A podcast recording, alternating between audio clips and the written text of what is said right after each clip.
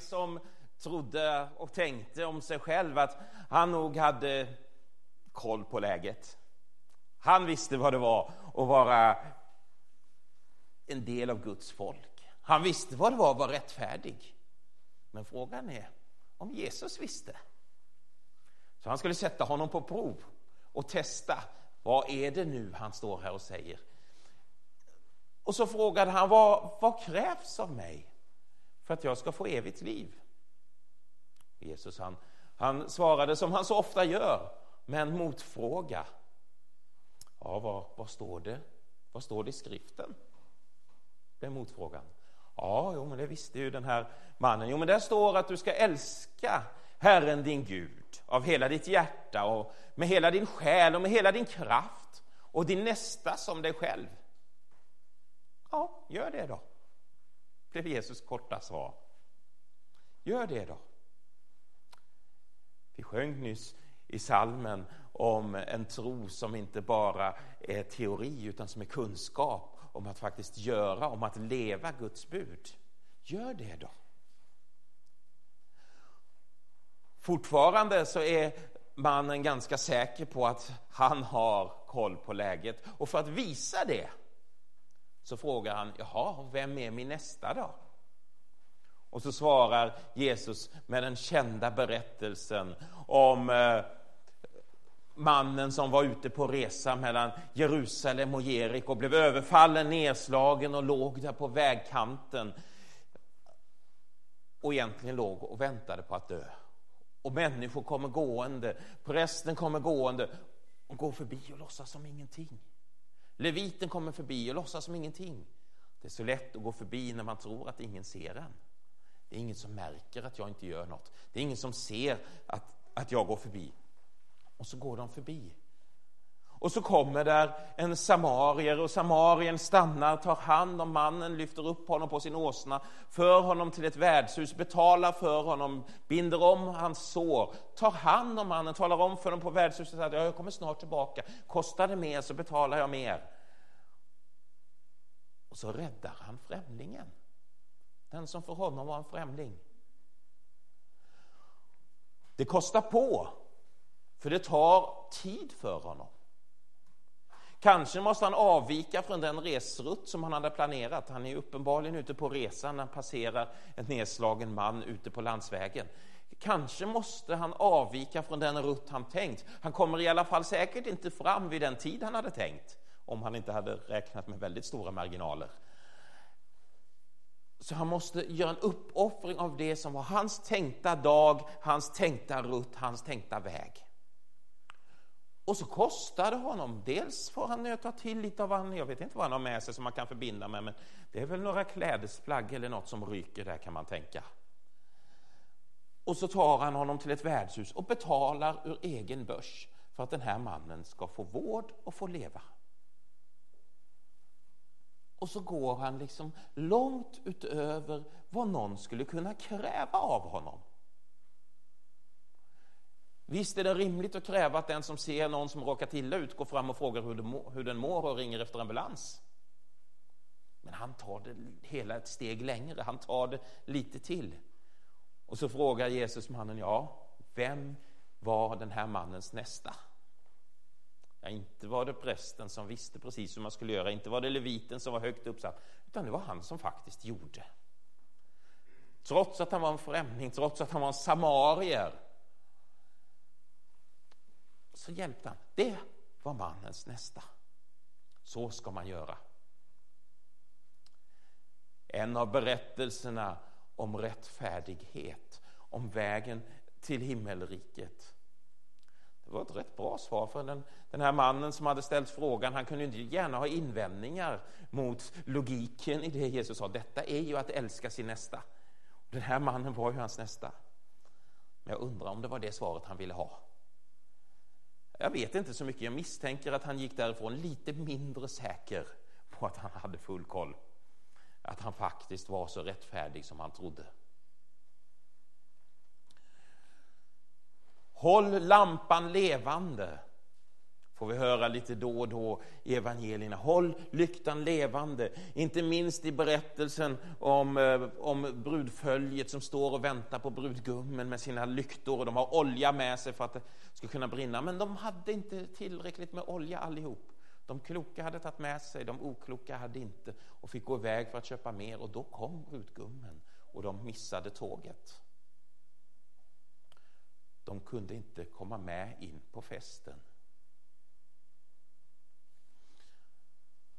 Det där är en berättelse som jag tror har skrämt många. Vad händer om Jesus kommer just det där ögonblicket då min olja är slut? Just när jag hade tänkt gå för att fylla på, köpa mer.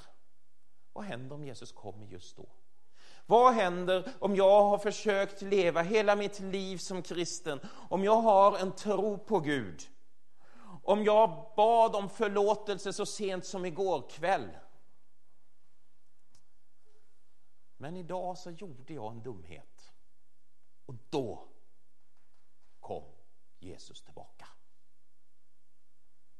Missar jag tåget då? Borde jag ha gått lite tidigare och fyllt på ny olja på min lampa?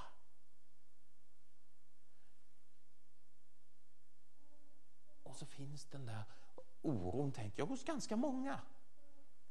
Även om jag vet att jag tror på Gud, även om jag vet att jag försöker mitt allra bästa, mitt allra bästa för att leva efter de där buden, till och med det där alldeles omöjliga budet att älska Gud över allting och min nästa, oavsett vem hon är, till och med en fullständigt okänd främling, lika mycket som mig själv. Det går ju inte. Och när den kärleken dessutom inte bara ska vara en självintalad mental bild av att alla människor är lika mycket värda, utan den ska till och med ta sig uttryck att jag kliver av min åsna och lyfter upp främlingen och bär med den till ett värdshus och betalar med mina pengar och med min tid för att en fullkomlig främling ska vara den som jag älskar lika mycket som mig själv. Det är ju ett bud som ingen människa lever upp till. Men jag vet att jag försöker, men så kommer Jesus tillbaka, antingen rent fysiskt till den här världen eller i betydelsen att jag, att jag själv råkar ut för något och går bort. Just det där ögonblicket då jag inte var redo.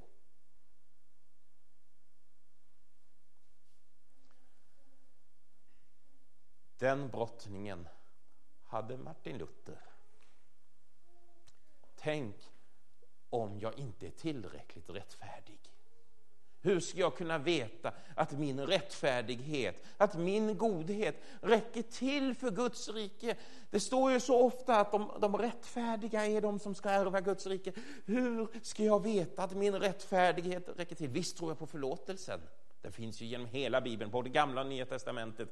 Men förlåtelsen och nåden finns ju ändå som en grund för att jag ska leva ett gott liv för Gud. För så tror jag att han tänkte. För så tänker man så gärna. Och så hade han fått lära sig att tänka. Hur ska jag då veta att jag räcker till? Hur ska jag veta att det förslår? Låt mig läsa en bibeltext för er. Jag läser från Romarbrevets fjärde kapitel, de första verserna. Och vi kommer in mitt i ett sammanhang så ni får be om ursäkt att det blir lite, liksom lite det blir inte helt i sammanhanget. Vad innebär nu detta om vi tänker på Abraham, vårt folks stamfar? Hur gick det för honom? Om han blev rättfärdig genom gärningar har han något att vara stolt över, men inte inför Gud. Ty vad säger skriften? Abraham trodde på Gud och därför räknades han som rättfärdig. Jag pausar där och citerar hur det faktiskt står i skriften så att vi vet att han talar sanning. Paulus. Det står i första Mosebok 15 och 6. Abraham trodde Herren och därför räknade Herren honom som rättfärdig. Ja, det stämde. Paulus hade koll. Vi fortsätter. Den som har gärningar att peka på får sin lön inte som en nåd utan som en rättighet. Den däremot som står utan gärningar men tror på honom som gör syndaren rättfärdig, han får sin tro räknad som rättfärdighet. Så prisar också David den människa salig som Gud räknar som rättfärdig oberoende av hennes gärningar. Saliga de vilkas överträdelser är förlåtna och vilkas synder är utplånade. Salig den som Herren inte tillräknar synd. Vi kollar den också i Saltaren 32. Lycklig den vars brott har förlåtits och vars synd har plånats ut. Lycklig den vars skuld har avskurit, avskrivits av Herren. Lite andra ord, lite annan översättning, men i, i princip samma sak.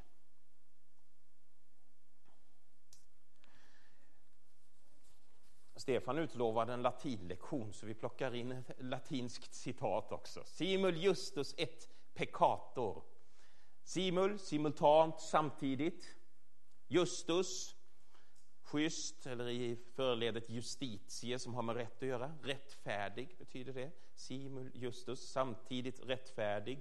Ett och och pekator har jag svårt att hitta något liknande på svenska. Men syndare betyder det.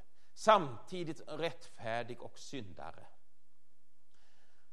Det var det här som var det stora som Martin Luther, när han på något sätt initierade reformationen, det här var det stora som han insåg och det som fick bli den stora trösten för honom. När han insåg att det här med att vara syndare och att vara rättfärdig i vårt kristna liv, det är inte så att jag, att jag på något sätt går inför Gud och ber om syndernas förlåtelse och är liksom där uppe. Och sen börjar det sjunka och sjunka och sjunka och sjunka efterhand som jag lever och gör dumheter. Så går jag till, till bikten igen och så kommer jag upp dit. Och så blir det som ett sågtandsblad.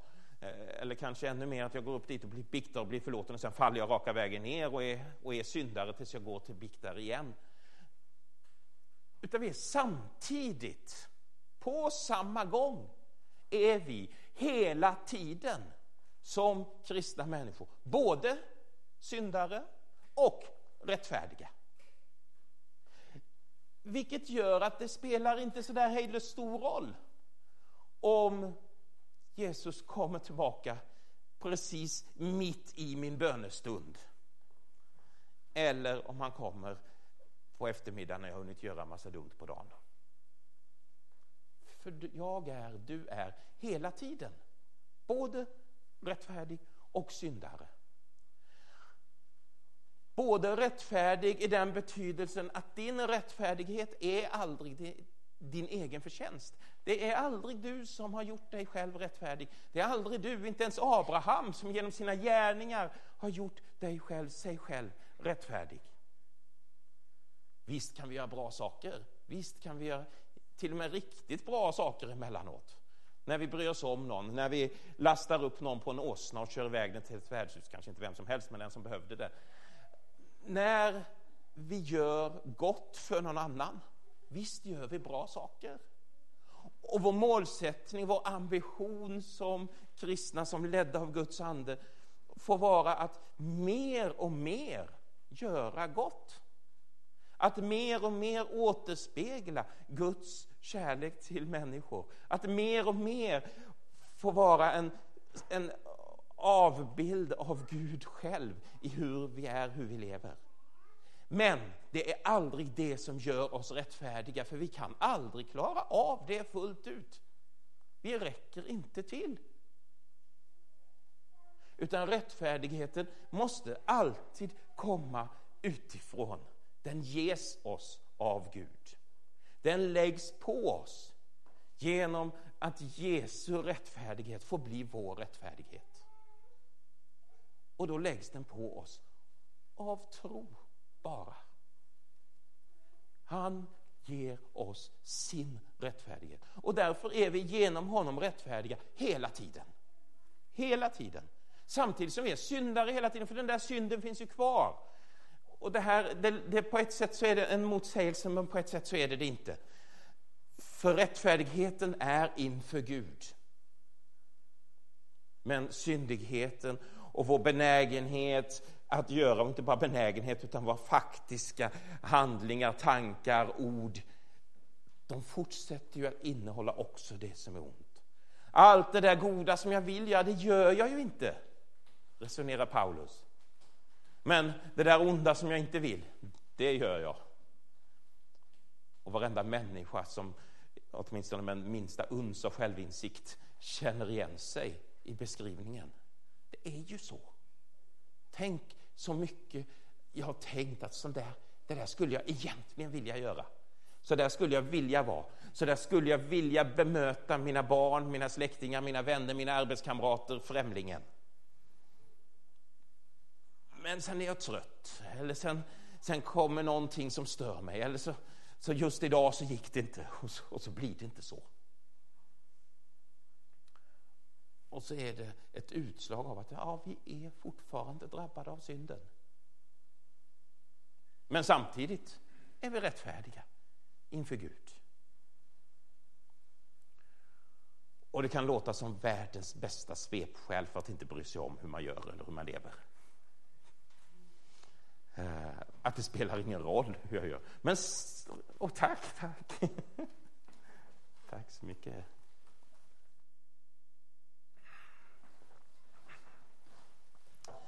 Eh, det kan vara så, så, så, kan man ju använda det. Men så fungerar det inte, för, för vi drivs av Guds ande till att leva ett i någon mån heligt liv. Nu gäller ju det här för dig. Och det är ju en tröst att det gäller för dig. Det är en tröst när du känner att nej, jag räcker inte riktigt till eller nej, det blev fel igen. Men grejen med det här är att det gäller inte bara dig, det gäller alla andra också. Det är så lätt att tänka att andra, de borde ju faktiskt vara perfekta. Jag vet att jag inte är det alltid, men andra skulle kunna vara det. Andra skulle kunna bete sig vettigt. Andra borde ju inte tala illa om folk. Är man med i, i missionshuset, då borde man faktiskt inte prata illa om folk. Går man till kyrkan ofta, eh, då borde man faktiskt då borde man faktiskt bry sig om grannen. Och så vidare. Och det finns många sådana där borde som vi själva kan lägga på varandra och som människor utifrån kan lägga på oss. Det finns väldigt många hur vi borde vara. För ja, det borde vi. För en rättfärdig människa är sådan. En rättfärdig människa talar inte illa om andra. Det kan möjligen ha anledning att tillrättavisa andra, men det är en annan sak. Men talar inte illa om bara för att få lov att tala illa om. Eh, men det är lättare att lägga den där bördan på någon annan. Det är många som, eh, som söker efter det där kristna sammanhanget, den kristna församlingen, där människor faktiskt är så som, man, så som kristna ska vara. Och så hittar, går man till församling efter församling och, och så verkar det väldigt bra ett tag, men sen märker man ju efter, så småningom att de här människorna, de, de är ju som jag. Jag vill ju ha något bra ställe. Eh, I bästa fall kopplar man till sig själv. Annars kanske man bara kopplar till att men det här är ju, så här ska inte en församling vara. I en församling ska man ju bry sig om varandra. I en församling ska man ju älska varandra. I en församling ska man ju, där, där ska ju Guds lovsång genomsyra allt. I en församling så får man ju faktiskt förvänta sig att människor är engagerade för, för vår relation till Gud är ju viktigare än allt annat. Jag vill vara med i en församling där alla satsar helhjärtat. Och förutom att människor kan satsa helhjärtat på sin gudsrelation på många andra sätt än i den lokala församlingen så bygger det här tänket på att alla andra som jag möter och som jag ska dela min tro med de ska inte vara samtidigt syndare och rättfärdiga, utan de ska vara rättfärdiga. För då kan jag, då kan jag växa i min rättfärdighet. Men när vi delar livet, när vi delar vår tro, så delar vi det med andra människor som är som vi. Och ibland så gör vi ganska bra grejer. Och ibland så gör vi ganska dumma grejer. Ibland säger vi något som får livsavgörande betydelse och lyfter en människa. Och ibland säger vi något som trycker ner. Och ibland vet vi inte riktigt vilket. Eh, men den som hörde det vet. Och allt det där finns. Och allt det där finns i en gemenskap av människor som är både syndare och rättfärdiga. Och utmaningen i det är att lita på att Guds förlåtelse, att rättfärdigheten bär genom det där. Och att fortsätta försöka vara den där som hjälper Samarien. Att fortsätta försöka att göra det rättfärdiga, att fortsätta att fylla på den där oljelampan, fortsätta att ha olja i beredskap.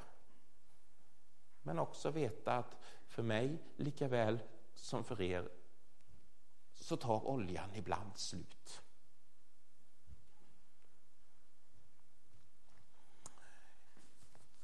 Jag ska läsa för er hela den salta som, eh, som Paulus citerade en liten bit av. Psalm 32. Och det fina är att detta är ju till och med Gamla testamentet, men det säger precis samma sak som Nya testamentet. Lycklig den vars brott har förlåtits och vars synd har plånats ut. Lycklig den vars skuld har avskrivits av Herren och vars sinne är utan svek. Så länge jag teg tynade jag bort. Jag jämrade mig dagen lång. Dag och natt låg din hand tung på mig. Jag blev som en åker i sommarens torka. Då erkände jag min synd för dig. Jag dolde inte min skuld. Jag sa, jag vill bekänna mina brott för Herren och du förlät min synd och skuld. Därför ber dina trogna till dig i nödens tid. När de stora vattnen stiger når de inte dem. Du är min fristad, du, behöv, du bevarar mig för nöden. Du låter jubel över räddningen ljuda omkring mig. Jag vill ge dig insikt och lära dig den väg du ska gå. Jag vill ge dig råd, min blick ska följa dig. Var inte som en häst eller mula utan förstånd. Med tygel och betsel måste de tämjas. Den gudlöse drabbas av många plågor, men den som litar på Herren ska omslutas av godhet. Ni är rättfärdiga. Gläd er över Herren och jubla. Alla rättrådiga, ropa ropa av fröjd.